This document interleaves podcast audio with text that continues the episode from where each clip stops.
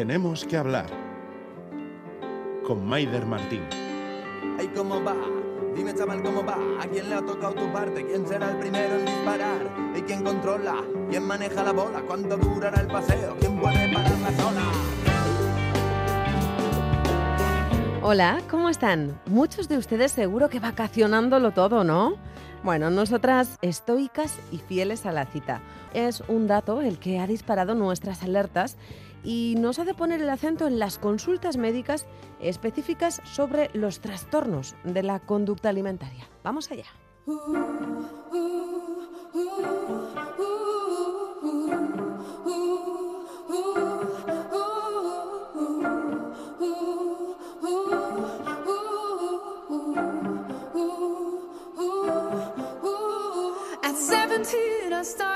Starve myself. I thought that love was a kind of emptiness. Hanga, hambre, así se llama esta canción de Florence and the Machine. Hambre, todos la tenemos, hambre de muchos tipos, de alimento, de amor, de vida, de calma, hambre de éxito, de brillo, de ser los y las mejores, de conseguir el siguiente objetivo y cuando ya lo tenemos, conseguir uno más. A veces un objetivo que ni siquiera nos satisface porque no es nuestro, es de otro. Y de repente, sin saber cómo, estás que no te encuentras, que no eres feliz, que sientes rabia. Y empiezas a volcarlo todo contra tu cuerpo, ese tan imperfecto y quizá por eso con tanto encanto como tú misma, ese que no se parece al que aparece en las películas o en las revistas. Y ahí puede comenzar un tipo de maltrato y violencia hacia ti misma del que después cuesta ser consciente. Empiezas a restringirte la comida, te obsesionas con las calorías, dejas de comer o fuerzas el vómito. De manera compulsiva quizá te das atracones. Ese trato violento a tu cuerpo es una enfermedad mental que empieza de manera multifactorial, pero bajo la que siempre hay una profunda infelicidad. Hay mucho dolor. Reconocer lo que te ocurre es el primer paso para paliarlo. Eso te lleva a la consulta del psicólogo y el psiquiatra. Surge a cualquier edad y no les ocurre únicamente a las mujeres. Se llama trastorno de la conducta alimentaria y en Euskadi las consultas por este motivo se han disparado con la pandemia. En 2021 aumentaron casi un 63% en relación al 2020 y hasta casi un 73% si se compara con 2019. Por todo esto, hoy tenemos que hablar de los TCA.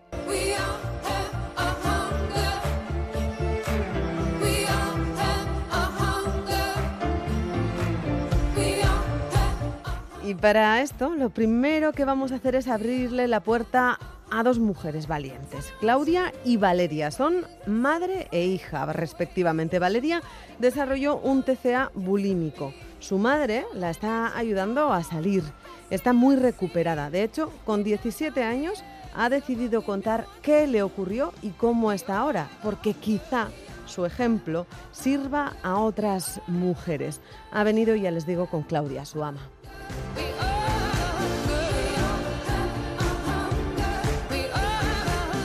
Valeria, Claudia, ¿cómo estáis? Hola, Hola, muy bien. Mil gracias por, por haber venido aquí a los estudios de Radio Vitoria para permitirnos hacer esta, esta conversación más cómodamente. ¿no? Gracias a ti por a ti. invitarnos. Sí. Bueno, Valeria, tú tienes ahora Sí. 17 años, ¿no? Sí. ¿Cuándo empezaste a tener problemas de alimentación? Bueno, yo realmente eh, desde muy pequeña ya como que tenía bastantes inseguridades con eso, pero como tal empezó así como más grave cuando yo tenía eh, 14 años, que estaba en tercero de la ESO. Ahí fue cuando más o menos empecé a tener como más, como que mis pensamientos empezaron a tener más consecuencias a nivel físico. Y ahí fue cuando empecé ya a tomar ya las decisiones que me llevaron a, pues a todo el problema. ¿Qué tipo de decisiones fueron esas? Pues al principio lo típico de que dices, bueno, pues voy a empezar a comer más sano porque no me gusta mi cuerpo, no sé qué. Pero como que era muy difícil para mí porque a mí siempre me ha encantado comer y la comida me lo disfruto muchísimo. Y tenía pues ahí como un debate interno de me encanta la comida, pero yo sentía que mi cuerpo como que no era como tenía que ser. Entonces era como un dilema de decir, me encanta comer, pero siento que tengo que dejar de comer para estar como yo quiero. Mi cuerpo no era como tenía que ser, es, no era como el de las mujeres que aparecen por televisión o en las películas o en las plataformas digitales. Exactamente, yo las veía ya y decía, es que yo no soy así, yo quiero ser así, y que al final tan pequeña y tan ignorante en todo ese ámbito, pues yo pues buscaba la solución más fácil y la que yo sentía que era la mejor, claro. ¿Por aquel momento pasaba algo más? Yo creo que sí, lo que pasa es que al ser tan pequeña yo no supe identificar que me pasaba algo. O sea, yo creía que todo, todos mis problemas se debían a que yo no me veía bien físicamente, pero sí, yo creo que yo era, lo mío era ya un problema de, de, de inseguridad, ya no solo física, sino pues conmigo misma y con también pues un poco mi entorno, que obviamente afecta. No recuerdo un momento en el que yo me sintiera bien conmigo misma. Yo creo que siempre fui súper insegura y luego eso ya me llevó a, a lo físico. Sí. Claudia, ¿qué piensas de lo que escuchas? Eh, no, yo la escucho y madre mía, veo una niña tan, tan madura y tan con tanto crecimiento en todo el proceso, mm. pero sí, ella siempre, es que también su personalidad es de, de ser, um, ha sido súper perfeccionista, súper exigente, le gusta que todo esté bien hecho, si no se agobia, entonces eso también yo creo que esa forma de ser influye no positivamente en el proceso. Claudia, ¿cuándo descubres tú que a tu hija le puede estar ocurriendo algo? ¿Es ella la que te lo dice? ¿Se lo dices tú, Valeria? No, ¿cómo, eh, ¿Cómo despierta todo esto en la familia? Sí, bueno, en un principio yo empecé a notar que ya había cambiado porque la veía como más triste, muchísimo más cansada. Aparte en las noches tenía como episodios de ansiedad, ataques de pánico, entonces llegaba a mi habitación, me decía, me duele el pecho, me duelen las piernas, que tenía muchos cambios de humor, tenía muchísima rabia, o sea, pero claro, tú en ese momento piensas, dices, bueno, estos cambios de humor son la edad. Pero yo sí que me empecé a dar cuenta que como que duraba mucho tiempo en el baño, como que pues dije, ¿será que esta niña, no sé, estará vomitando? Porque según come sube al baño, entonces un día pues ya encontré así como el váter un poco sucio. Y yo ya la llamé, le dije, mami, puedes venir. No sé, estaba ella en casa de una amiga. Ella vino, me, me acuerdo, era un 28 de diciembre. Y yo le pregunté directamente, le dije, mami, tú estás vomitando así, ¿verdad, mami? sí, tal cual, sin, anestesia. a veces es mejor, ¿eh? Sin anestesia. Claro, es que grano. como que yo ya estaba segura. Y ella me miró a la cara y me dijo, sí, sin anestesia también. también. Yo me acuerdo que le dije, no te preocupes, esto es una enfermedad, yo te voy a ayudar, te vamos a ayudar, tú, tranquila, porque yo sabía, o sea, yo me gusta mucho oír cosas de adolescentes, ¿sabes? Conversaciones de adolescentes en YouTube. Y yo ya había escuchado alguna Es una forma de acompañar a tu hija también, ¿no, Claudia? Sí, mm, sí. Estar al día. Exactamente, estaba un poco al día y claro, cuando ella me lo dijo, mi primera reacción fue, no te preocupes, ¿verdad, mami? Te dije, tranquila, ya lo voy a resolver yo, esto lo tenemos que resolver tus padres, y de hecho, yo ni, siquiera te dije, no sigas haciendo nada. No, no, ningún No le dije nada. No. Valeria, ¿y tú cómo te sentiste cuando te viste entre la espada y la pared sin anestesia, respondiendo, sí, sí, sí, he vomitado, ¿no? En, en, cierto modo me relajé porque dije, vale, ya se ha dado cuenta alguien, esto pues solamente puede ir a mejor, o sea, me van a ayudar. Y, y, eso, bueno, yo me acuerdo que en el momento en el que me lo dijo yo empecé, empecé a llorar, y no de, Buah, me ha pillado, no, en plan de, por fin, ¿sabes? De alivio de alivio, porque además como me lo, o sea, no me, como no me echó la bronca ni me criticó ni nada, fue como me quedé súper relajada en ese momento y tampoco en ningún momento me exigió ni me dijo no dejes, o sea, no, no vuelvas a hacerlo, deja de hacer eso, no sé qué. Fue como muy, bueno, vamos a ir poco a poco porque obviamente no se te va a ir eso, todo eso de, de, una, de un día para otro. Decías tú, Claudia, ya me encargo yo, que soy tu madre, nos encargamos nosotros, tus padres, de hacer lo que, lo que tengamos que hacer y lo hicimos. ¿Qué fue eso? Porque nos están escuchando un montón de padres y madres seguro. Sí. ¿Qué fue eso que hiciste? ¿Cómo te pusiste en marcha? Nada, yo pedí citas con el médico de cabecera, que en ese momento todavía era el pediatra. El médico de cabecera me mandaron al psicólogo juvenil. En un psicólogo juvenil normal, ella estuvo yendo como a dos citas, creo. Fui súper poco. Dos es que era general eso, o sea, no, era, no era específico de TCA. Exactamente. Entonces ahí, imagínate, cada cita tenía una distancia de 15 días, una cosa así. Yo, y claro, los días iban pasando. Exacto. y, la cosa seguía. Y, en mi mente estaba que ella seguía con su rutina, ¿sabes? Su rutina dañina. Y claro, yo quería que fuera rápido, total, que hablo con la psicóloga juvenil, y le digo, mira, ella tiene este problema y ella necesita un psicólogo para esto específicamente. Y ya la, yo creo que me vio tan desesperada que ella me dijo, yo voy a hacer todo lo que tenga que hacer para que ella le den una cita con, con como por decir en la sección de TCA. Sí. Entonces ya ahí, pues pasó, imagínate tú, otros tres semanas. y ya fue cuando eh, llegamos a, a, tu psicóloga, que es Sí, Noelia. Noelia. Noelia. Y ahí fue ya, imagínate tú, como en febrero, después En de, febrero. o sea, dos meses después que empezamos por decir el, el Sí, tratamiento tal. oficial. Sí. Exactamente. Noelia, Noelia Olmo, que Eso se va a sí. pasar después por el programa. Sí. Y mm, bueno, luego hablaremos de, de Noelia, pero cuando os conocisteis, ahí arrancó, Valeria, tu tratamiento psicológico, ¿no? Porque hay que cambiar desde arriba, desde la cabeza, desde los pensamientos, ¿no? Sí. Para que cambie también la rutina mm, alimentaria, ¿no? O el maltrato al cuerpo, en este caso Sí. a través de la alimentación, que creo que es más correcto. ¿Cómo fue eso de desnudarse en la consulta de un psicólogo o de un psiquiatra? me dejé llevar mucho al principio, o sea, yo no fue como que no quiero ir o no voy a re- o sea, responder a las preguntas o tal, no fue así, yo me dejaba llevar, si tengo que ir voy, si me tienen que hacer preguntas las respondo. Que sea lo que sea. Exactamente. ¿Qué pasa? Que luego empezó ya el tratamiento como tal, que bueno, no podían tratarme si yo seguía vomitando todo lo que comía todos los días, eso no podía ser así, entonces, claro, Vamos mi- a por, por centrarlo un poco más, por Sí. eh, supongo que en los TCAs nada es blanco ni nada es negro y no se puede hablar de bulimia tan a la ligera como no se puede hablar de anorexia, ¿no? Total. Eh, ¿Tú tenías una mezcla de, de todo, de todas las compulsiones o mm, cómo estabas? Bueno, yo tenía bulimia. A ver, yo es que, yo, en- bueno, como he dicho antes, yo no me veía capaz de dejar de comer así de repente. Además, en mi casa todos comíamos bien. No era como que, bueno, tú llegas a casa y comes. No, no, nos comíamos todos juntos, Sí. cenábamos. Lo único que no hacía era desayunar, pero porque, bueno, eh, yo a las mañanas me costaba muchísimo arreglarme y tal. Entonces yo dije, bueno, pues no desayuno porque así me arreglo. Entonces, bueno, yo realmente no, aunque hubiera querido, no hubiera sido capaz de coger y decir, no, pues no ceno o no como, porque mi madre me va a decir, a ver, tienes que comer y cenar. Independientemente de que estuviera bien o mal, pues eso no se podía, no me iban a dejar no comer. Entonces, yo la vía más así útil para mí en ese momento en mi supermente fue, eh, claro, comer y que todo el mundo viera que yo estaba comiendo y luego vomitarlo. Y es que es horrible porque, no sé, es que eso de por sí vomitar a nadie le gusta. O sea, tú estás mal y vomitas, eso no es placentero Es un para horror, nadie. no, no Entonces, es. como yo era capaz de decir, no, pues es que era mi rutina, yo comía y era como, como quien va a trabajar o a clase. O sea, como y voy al baño. Y los pensamientos, además, que después de ese acto, ¿no? Te tienen que surgir. Te venía el decir, es que no estoy cambiando nada, me sigo viendo igual, además dependía de eso totalmente. Yo veía que si comía y iban pasando los minutos y no iba a vomitar, me empezaba a dar una ansiedad, un agobio, porque yo sentía que cada gramo que me comía me estaba engordando. Tú piensas que estás haciendo lo que tienes que hacer y que súper buena tu decisión, pero es que en el fondo es- o sea, no, no vives, es que eso no es vida.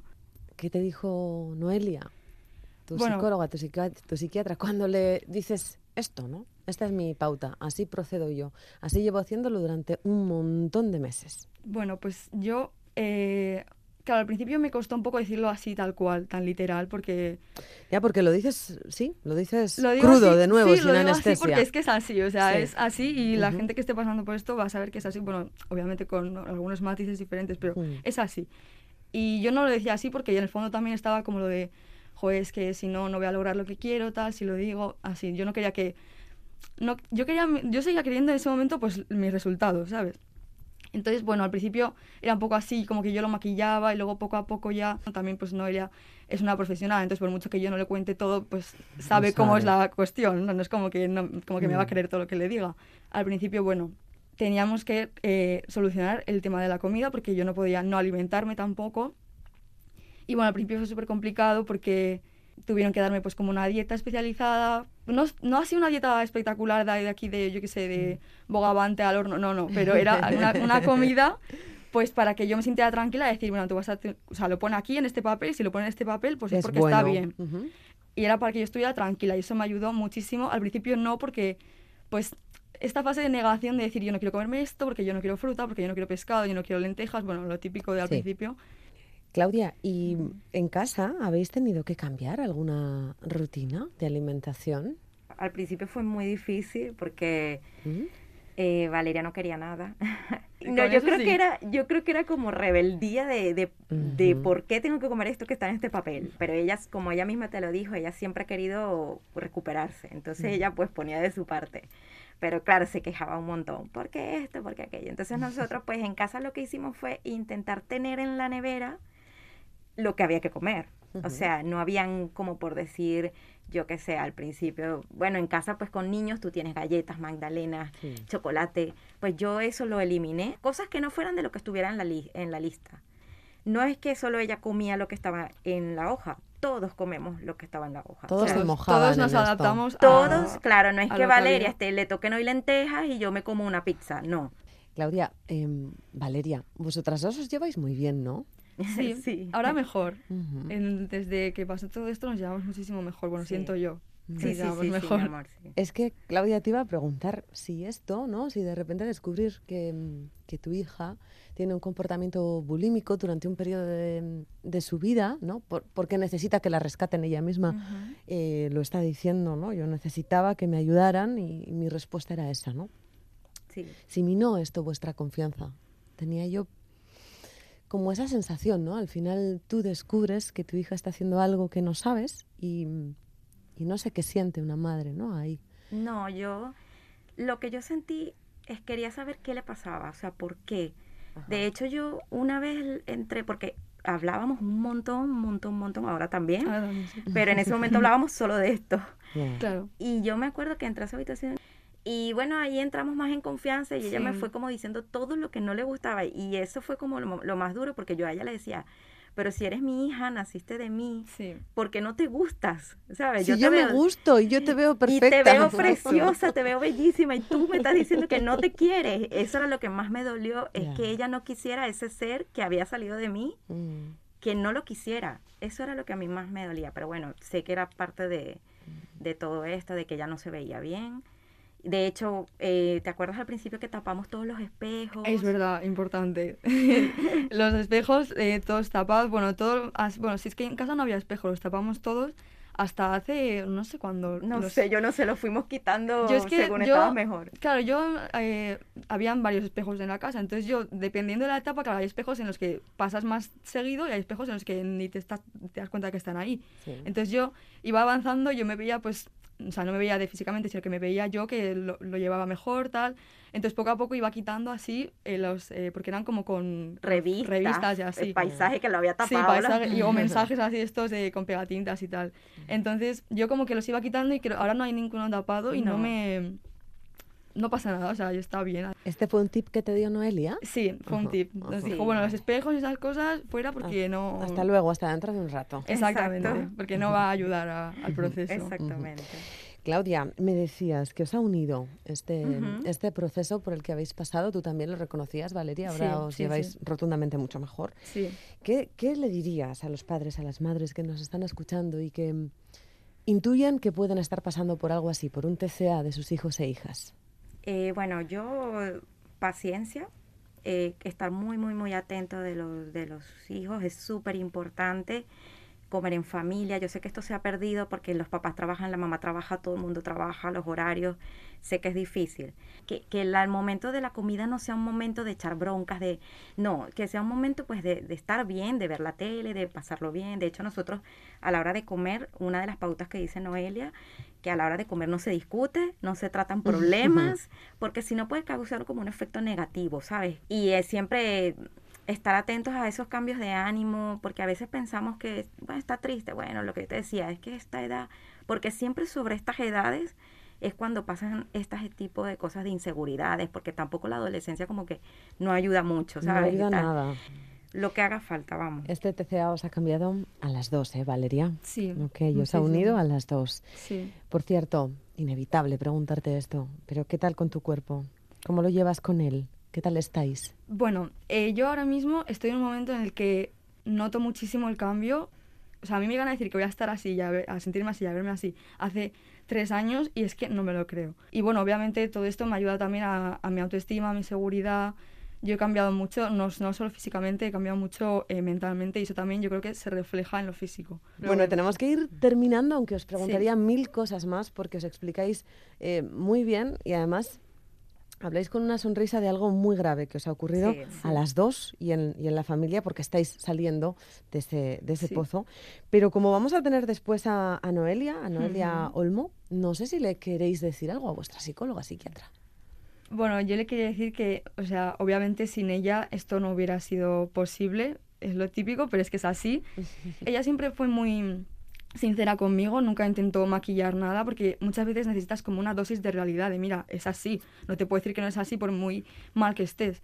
Y esas cosas a mí me hacían de verdad caer y reflexionar y pensar. Y yo salía de ahí como anestesiada, yo salía como si hubiera meditado. Era impresionante. Muchas veces iba muy estresada a la consulta, muy ofuscada con la vida porque yo decía, esto no me está haciendo nada, porque siempre hay momentos en los procesos en los que sientes que no avanzas. Son picos de sierra, ¿no? Exacto. Final. Pero yo salía siempre de ahí diciendo, menos mal que he venido y, y menos mal que he tenido esta charla, porque al final siempre aprendí algo nuevo. Mm. Y la verdad que agradezco muchísimo haberla que estuviera en mi vida de esa manera, porque es que si no, yo no sé si estaría ahora como estoy. Así que genial. Qué bien cuando, cuando otro eh, te lee por dentro y pone palabras a lo que sientes, Sí. ¿no? A todos no nos es igual de fácil hablar de nuestras sensaciones o, Hmm. o de nuestras pulsiones. Estamos muchísimo, mil veces Mis mejor. millones. Exacto. Hasta dando una entrevista por la radio. Ahí queda eso. ¿eh? Exacto. Exactamente, es que si no... Sí. Valeria, Claudia, ha sido un placer conoceros. Os mando un abrazo, aunque sea de palabras. Igualmente. Igualmente, muchas igualmente, gracias. Muchas a gracias. seguir en la lucha. Un Eso beso. es. Gracias, sí, igual. igualmente.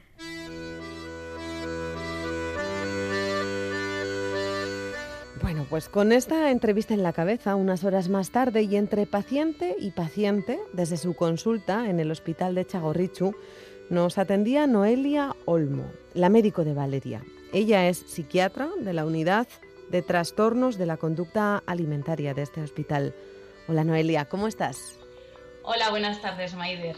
Pues muy bien. Bueno, pues quiero que estés todavía mejor. Creo que vas a estar todavía mejor cuando escuches esto. Mira. Bueno, yo le quería decir que, o sea, obviamente sin ella esto no hubiera sido posible. O sea, admito que soy una persona que a veces es difícil como entrar en mí. Y ella siempre me tuvo así, yo siempre iba y yo salía de ahí como anestesiada. Yo salía como si hubiera meditado. Pero yo salía siempre de ahí diciendo, menos mal que he venido y, y menos mal que he tenido esta charla, porque al final siempre aprendí algo nuevo. Y Menos mal que está Noelia, nos dice Valeria, a la que hemos escuchado hace unos minutos. ¿Cómo lo recibes?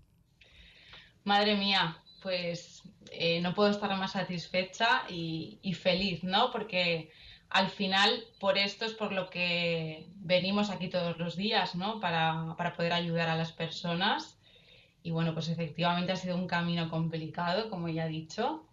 Pero bueno, Valeria tiene una cosa muy buena, es que se ha apoyado en el tratamiento y, y esto es clave, ¿no? Para, para la recuperación. Así que bueno, hoy me voy más contenta y más feliz a casa. Así que muchas gracias. Valeria ha creído en, en el, en el tratamiento, nos dices. Ha sido un camino largo porque comenzó a ser asistida eh, con 14 y ahora tiene 17. ¿Es de esos casos que se cogen a tiempo?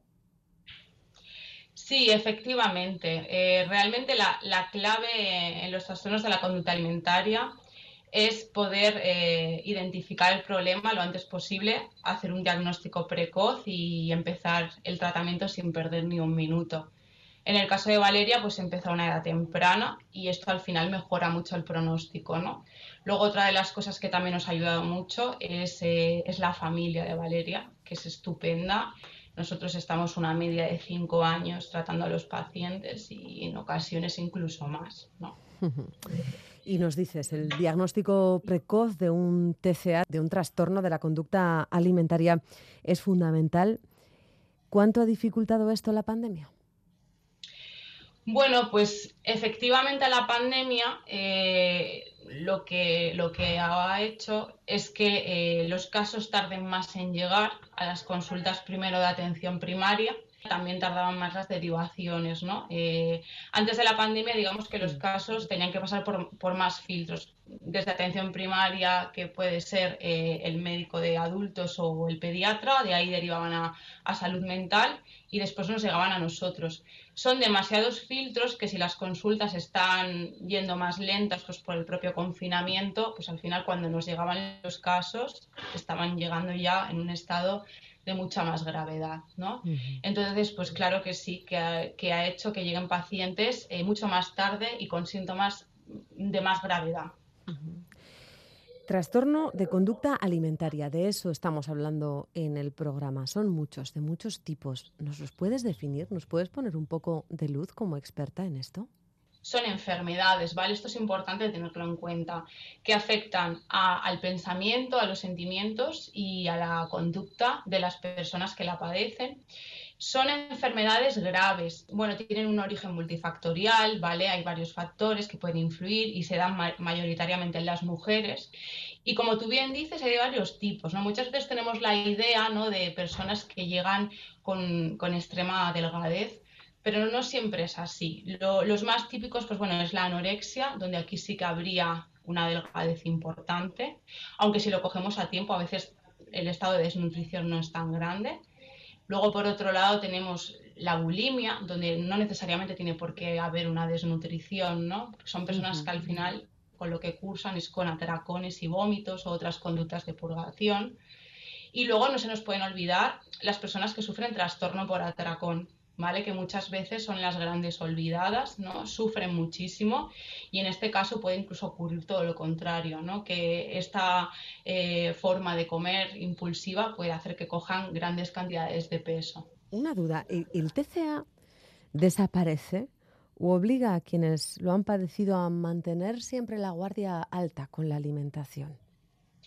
Bueno, pues aquí tengo que ser optimista, porque realmente en la mayoría de los casos, si se coge a tiempo y si no hay una comorbilidad asociada o alguna complicación, sí, se, se recupera de una forma completa, aunque es un proceso largo e intenso, pero sí se recuperan, ¿vale? Y en, este, en estos casos no, después no tendrían por qué hacer nada distinto al resto de la población.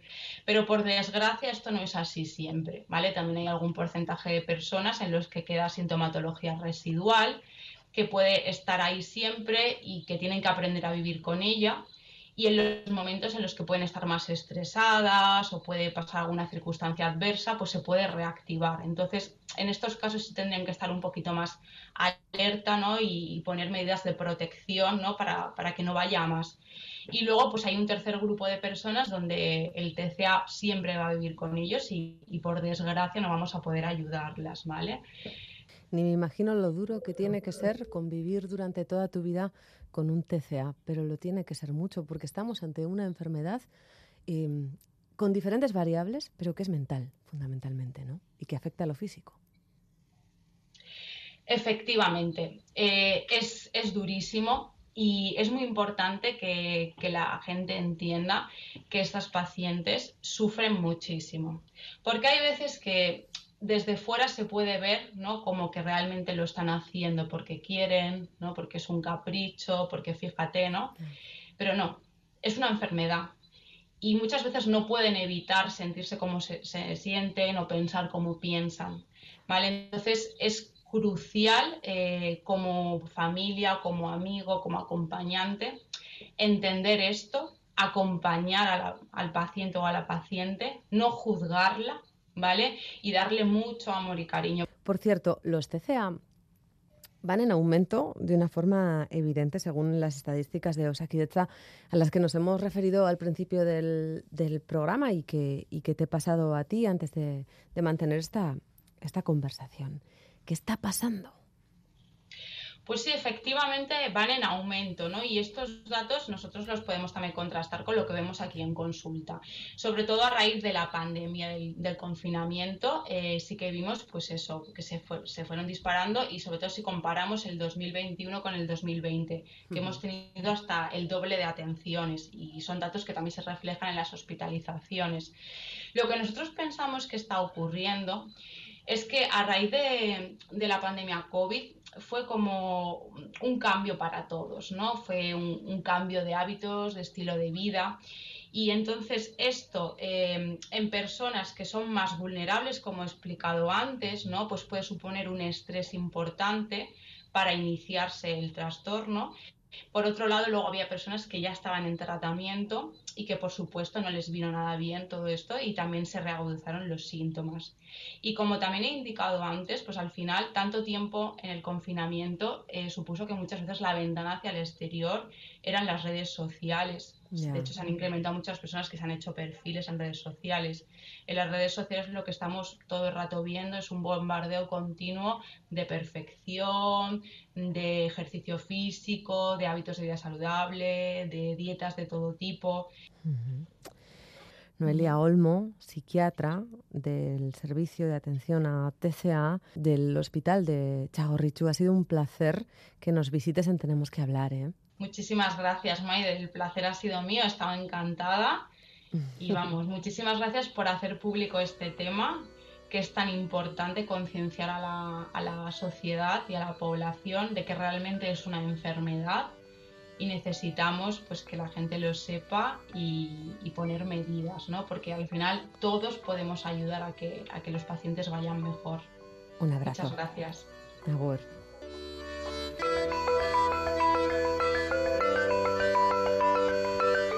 Lo hemos escuchado, el perfil más habitual de persona con TCA suele ser una mujer joven en la adolescencia o postadolescencia, pero esto también le ocurre a los hombres, a veces cuando son adultos.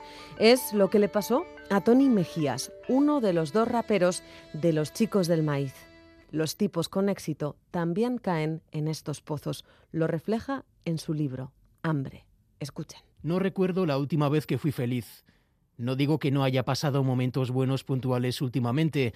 Estoy seguro de que he disfrutado de noches felices con los amigos y con mi pareja, y hasta he reído, pero no era feliz, porque a la mañana siguiente esa sensación pasajera solo dejaba culpa y tristeza.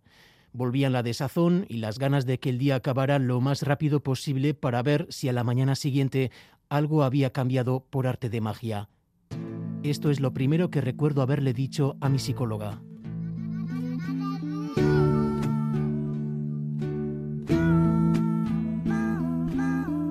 No te rindas, por favor, no cedas.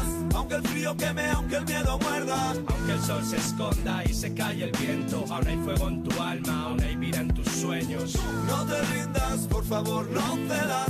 Aunque el frío queme, aunque el miedo muerda. Porque esta es la hora y el mejor momento. Porque no estás sola, porque somos cientos. Y defender la alegría como una trinchera. Defenderla del escándalo y la rutina. De la miseria y los miserables. De las ausencias transitorias y las definitivas. Pues eso hizo Tony Mejías, no cedió, defendió su alegría, su vida y lo que dice Benedetti en este poema y su versión Chicos del Maíz. ¿Cómo estás, Tony? Bien, bien, estamos, estamos mejor, estamos todavía en proceso y defendiendo esa alegría, pero bueno, si me preguntas cómo estoy hoy, que esto ya sabes que va mucho por, sí. por altibajos, hoy estoy, estoy bien, la verdad que con más energía después de estos dos años distópicos que, que hemos vivido. bueno, en mi hambre mando yo, le dijo el jornalero al señorito. En tu hambre mandas tú, le dijo Mejías a su cabeza. Este es el paralelismo que podemos hacer. Sí que es verdad que mi cabeza todavía analiza el plato, eh, la comida como que es la idea principal del día, sí, o sea, sigue girando todo en torno a la comida muchas veces, ¿no? Y el resto de, vida o de día es lo que sucede entre comida y comida, pero, pero bueno, va reduciéndose y sobre todo luego lo que te digo, que, que al final no salto comidas, no ayunos, no me elimino platos que me pueda decir mi cabeza que son más perjudiciales o menos sanos, etc. Entonces, pues bueno, vamos mejorando, pero sí que es verdad que la comida sigue teniendo un gran peso en, en mi día a día, lamentablemente. Estamos hablando de Hambre, mi historia frente al espejo, el libro en el que tú hablas de cómo trabajas con esa compañera que de repente llega un momento a tu vida, ¿no? que es la anorexia, en este caso. Mm. Llegaste a pesar 59 kilos y eres un bigardo, ¿eh? eres largo con ganas. Eh, sí. Mejías. sí. Estabas muy flaco, pesabas mm. como una pluma en el suelo, leve, disfuncional mm. también ese momento, nos lo cuentas en el libro, pero mm. el peso interno era brutal. Eso lo transmites muy bien, ¿no? Sí, claro. en ese momento no, no, te das cuenta, ¿no? No te das cuenta ni que estás muy, ni que tienes muy poco peso corporal ni que tienes mucho peso en, en la conciencia. Es algo que tienes que ir descubriendo y es lo más difícil, ¿no? El darte cuenta que te sucede algo y darte cuenta que tienes que comenzar a revertirlo porque encima tardar tanto en darte cuenta lo que hace es que la reversión sea mucho más, mucho más complicada. Por ejemplo, en peso sí que he ganado, aunque estoy en un punto como así de stand-by que me cuesta mucho ganar más, pese a que me gustaría pesar un poquito más, pero bueno, estoy, estoy bien. Pero por ejemplo, el tema de mental es lo que más me está costando terminar de, terminar de revertir y, joder, pues es, es, una pena, ¿no? Por eso también hice el libro, para que a lo mejor alguien se diera cuenta a través de esas páginas de que le sucedía algo y comenzara a curarse mucho antes, porque cuanto más mella haces, cuanto más hondo es el, es el pozo o el agujero, pues mucho más cuesta salir de él. El tema mental, ¿qué es eso? ¿Qué te dices? ¿Qué trampas te pones para no poder salir de ahí? Complica es complicado, o sea, claro, si supiese un poco... Pero claro, al final es que se hace, se hace dueña. Eh, sobre todo tiene que mucho que ver con estado de ánimo, con autoestima. ¿no? Muchas veces es eso, es no que una manera de no quererte, de no valorarte y es lo que acaba arrastrando todo, todo lo demás, ¿no? O ponerte muchas, también mucha, tiene mucho que ver con el control, de que todo salga a tu gusto, de que todo esté colocado eh, a tu gusto, de que no haya nada que, que, se abra la improvisación y claro, cuando todo tiene que estar bien o todo tiene que estar a tu gusto, lo más normal es que falle, ¿no? Entonces va, en mi caso al menos va un poco, un poco todo cogido de la mano, pero creo que lo principal nace de, de una baja autoestima que hay que trabajar día a día y quererse más, que es lo más importante. Mira que es de Valencia, ¿eh? estaba pensando yo mientras, mientras tú hablabas, pero en este libro hay como tanto control, tanta autoexigencia, tanta necesidad de perfección, que hubiese dicho, esto es estándar puramente alemán, yo qué sé, ¿no? Sí, ya, sí, sí.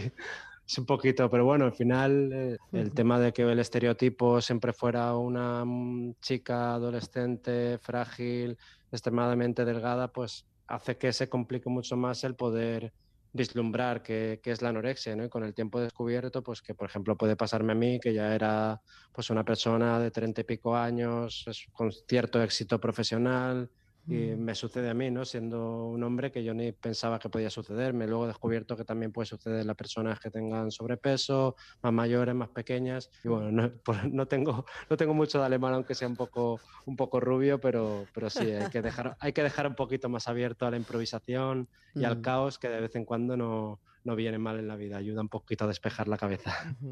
Hablabas tú, ¿no? De que tenemos asociada eh, con esto de los estereotipos y esta enfermedad, la anorexia y prácticamente cualquier, cualquier tipo de TCA a adolescencia y a mujer.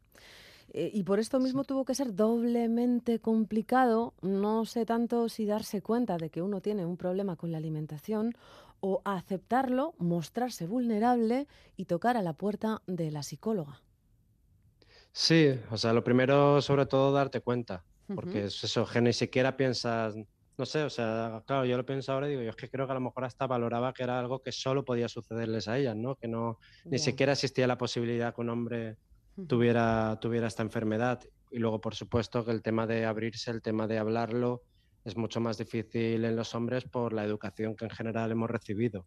Eh, de los hombres no lloran, ser un hombre es sinónimo de ser una persona fuerte, luego pues en la adolescencia, igual que las chicas suelen contarse siempre sus problemas, los chicos no, los chicos lo ocultamos todo, pues no sé, tras el alcohol, tras juegos deportivos agresivos, no sé, no solemos comentar las cosas.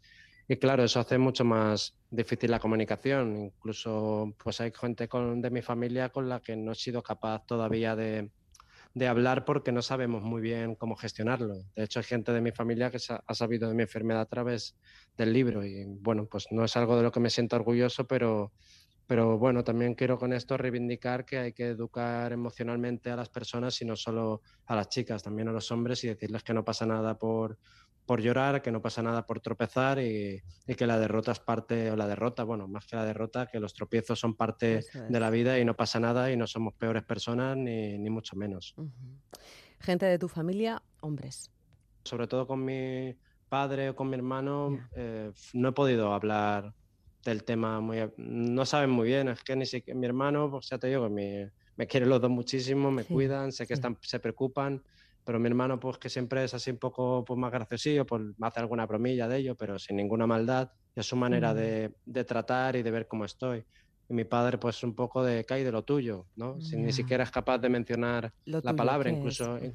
Claro, incluso a mí al principio de las presentaciones o entrevistas que hice cuando salió, me lo dijo un compañero periodista, dices que dice siempre enfermedad, lo que me pasó, nunca dices la palabra y digo, pues claro, y al final por eso en entrevistas como esta o demás, pues digo, sí, anorexia, no pasa nada, es una enfermedad y, es lo que me ha sucedido, lo que le sucede a muchas personas, tenemos que normalizarlo porque porque así será mucho más fácil diagnosticarlo y, empezar a curarlo. Una amiga, una amiga médico, médica, es la que en 2018 te abrió los ojos, con la que cediste y dijiste, vale, me pongo en marcha, ¿no? con esos 30% que no vamos a contar aquí, que la gente se compre el libro y lo, lo lea, ¿eh? que, que ella te, te contó. Y, parece que lo que tú estás eh, trasluciendo en esta entrevista es como si tu vida hubiese sido un vaso, ¿no? Que se ha ido llenando, gota a mm. gota, gota a gota de, infelicidad, ¿no? No sabes mm. finalmente por qué, porque las variables son múltiples y todo eso acaba volcado en el cuerpo. Sí. ¿Es así? Sí, sí totalmente. Al final eh, me voy dando cuenta, ya te digo, todavía incluso a día de hoy, pues pienso en cosas que han podido derivar en ello, pero al final sobre todo es eh, una falta de autoestima, de aceptación y claro, además cuando eres una persona famosa, entre comillas, al menos dentro de un género musical, pues también estás más expuesta, más expuesta a los comentarios, más expuesta en redes sociales. Y al final, pues es todo un cúmulo de cosas que te hacen pues querer cambiar tu físico para agradar más que incluso para gustarte a ti mismo, para agradar y entras en una espiral que nunca te sacia, que quieres estar más delgado porque asocias que estar más delgado es estar más feliz y, y tarda mucho en darte cuenta que lo que está sucediendo es al revés, que en esa espiral por gustar a los demás, por convencerles, por eh, que por el aplauso, por el like, por el comentario, pues te estás destruyendo y, y, no te das cuenta, porque al final la enfermedad es incluso como una especie de adicción. Ay, me lo estás poniendo muy difícil. Estoy aquí a todo apuntar con un rotulador porque no tenía boli, se me está emborronando la hoja y todo, todas las cosas, como que tengo que repreguntarte, ¿no? Así que eh, vamos a ello. Acabas de decir, estar más delgado parece que es estar más feliz. Y entonces, mm. la gente que tiene TCA, ¿qué? Esta derrota es colectiva. Es esto de que queremos vender una vida que no es real. Em, mm. Queremos acceder a aspiraciones a las que no podemos llegar porque el sistema es puramente desigual y lo volcamos todo ahí, en, nuestro territorio sagrado, en nuestro cuerpo. Sí, yo sí que lo, yo sí que lo que se nos intenta cargar siempre la culpa de como un fracaso individual y pienso que no, que es un poco el sistema que nos empuja a pensar que nuestros cuerpos son erróneos, que nuestros cuerpos son malos y creo que ningún cuerpo es, es malo de, de por sí, ni mucho menos. Y, y, por eso también el libro pues habla un poco de buscar respuestas colectivas a problemas que nos han vendido como individuales, pero que son colectivos. Y creo que eso, pues a lo mejor yo sacando el libro puedo ayudar a otras personas, igual que otras personas me han ayudado a mí después de sacar el libro y me han dicho que se puede salir, me han dado consejos. Y sí, y claro que es esta sociedad que nos está diciendo que nuestros cuerpos, si no son perfectos, son malos y que si nuestros trabajos no son de persona pues bien asentada, si no tienes una vivienda, si no tienes una familia, eres un, un, fracaso, has fracasado en tu vida, pues está claro que es la sociedad la que nos empuja a estar tristes porque la realidad es precariedad, la realidad son alquileres que no se pueden pagar y la realidad es no poder crear una familia porque no tienes un sueldo que pueda permitírtelo.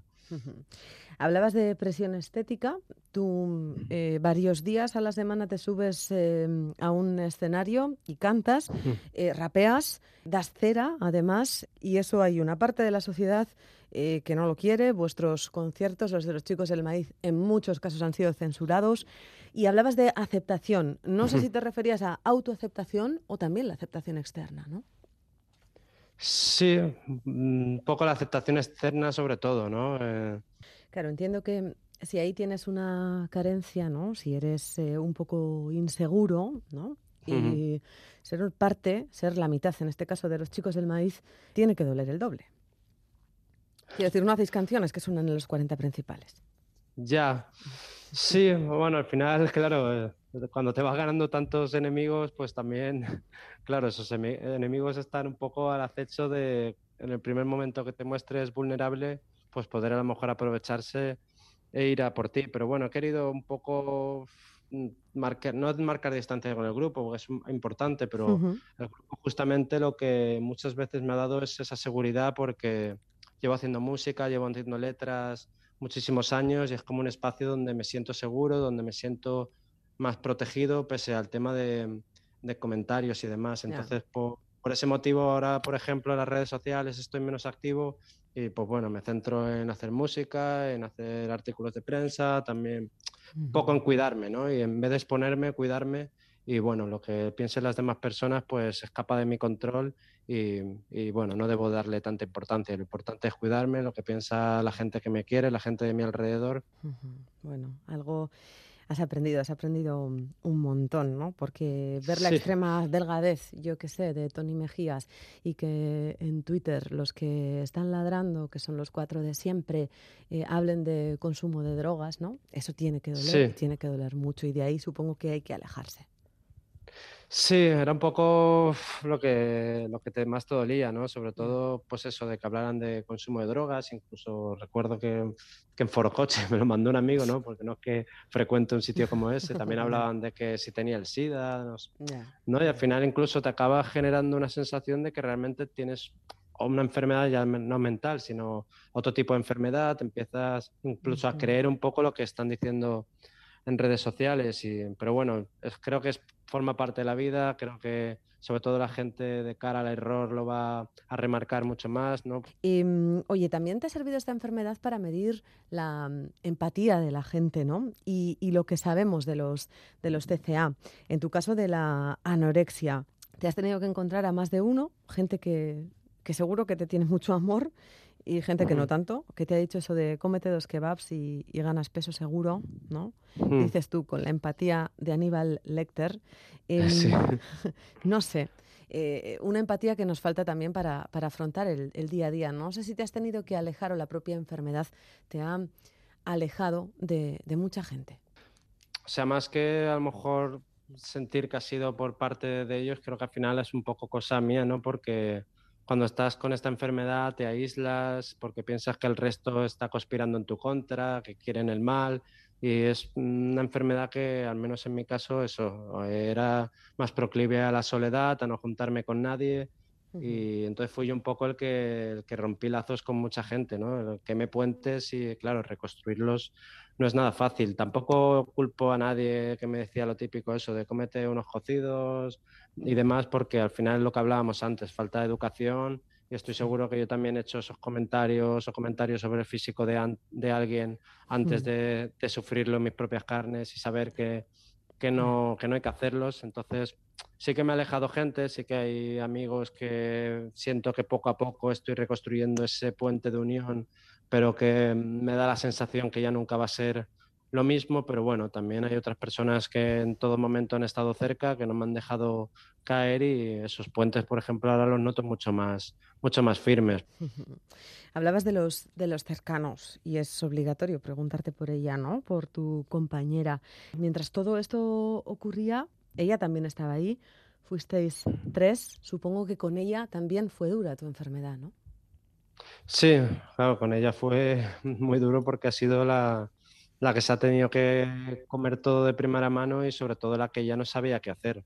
O sea, ella sí que lo... Yo hablo, por ejemplo, de mi amiga médica que fue la que me abrió un poco los ojos, pero porque yo no quería verlo de todo lo que me decía mi, mi compañera, mi pareja, ¿no? Porque piensas que es eso, que lo hace por molestarte, que lo hace por dañarte y de la gente que está cerca como que no te crees las cosas, ¿no? Esta amiga médica, aunque es una amiga, pues vive fuera, a la vez menos y fue mucho más fácil, pero, pero bueno, ahora mismo, por ejemplo, mi pareja es el motivo por el que cuando tengo un pequeño bache, pues enseguida descuelgo el teléfono de mi psicóloga o enseguida intento revertirlo porque, porque bueno, también siento que, le, aunque ella no lo, no lo reconozca y ella siempre me va a decir que no, siento que también le quité dos años o dos años y pico de vida y que volver, volver a ser el Tony que era, volver a estar bien, volver a recuperar mi salud mental, también se lo debo a ella. Así que el, día que estoy un poco flojito, pienso que, que, no puedo caer sobre todo, sobre todo por ella y también me ayuda mucho a, a recobrar fuerzas y,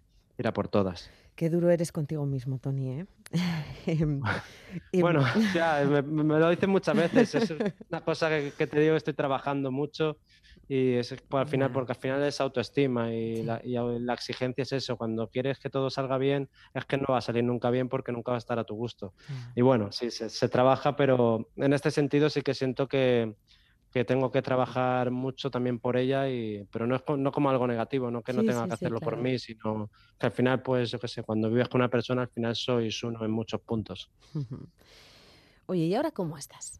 ¿Y tú qué tal? Por acabar. Bien, bien, de verdad que ahora, pues eso, ahora mismo tengo un montón de frentes abiertos y es un poco complicado porque, bueno, estamos ahora recuperando los conciertos después de dos años un poco extraños. Qué bien Estoy estuvisteis en el BEC, ¿eh? Sí. ¿O qué me la dices? verdad- Autoexigente máximo. Sí, ¿Cómo te la verdad que viste? lo, lo disfruté, es lo que te contaba antes, ¿eh? que eh, subo un escenario y me siento mucho más fuerte que luego a lo mejor cuando bajo de él es un poquito más frágil, así que tengo que compensar un poco y equilibrar, equilibrar ahí. Pero eso, tengo como también muchos frentes, estudiando, eh, pues un poco t- periodismo, intentando ejercerlo también y... ¿Qué estás estudiando?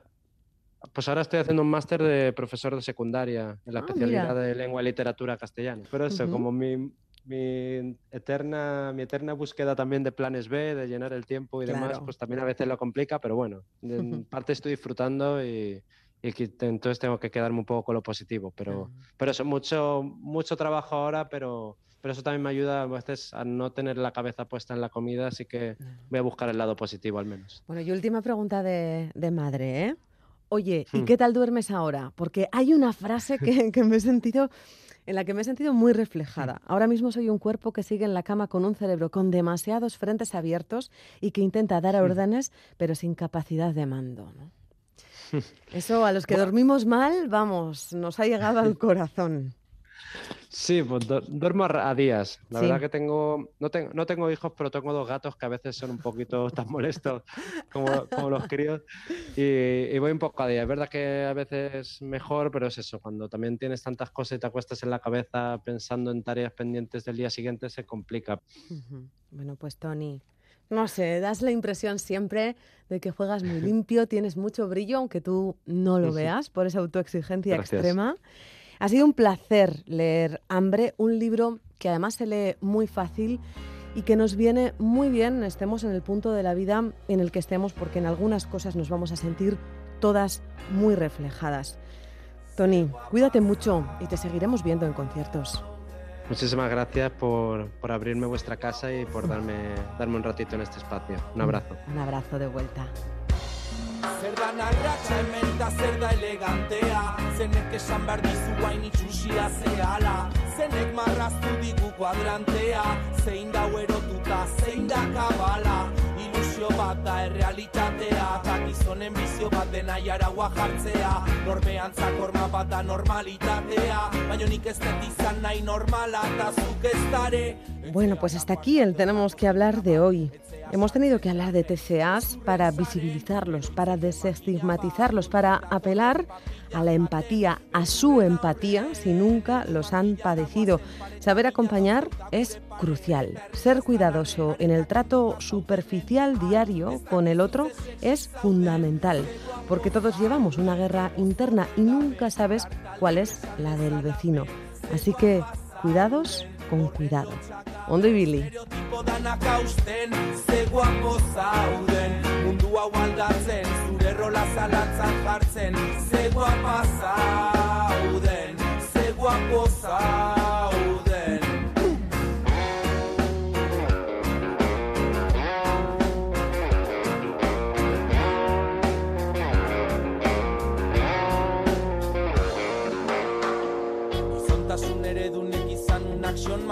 matasun modelo Barbie bat zan.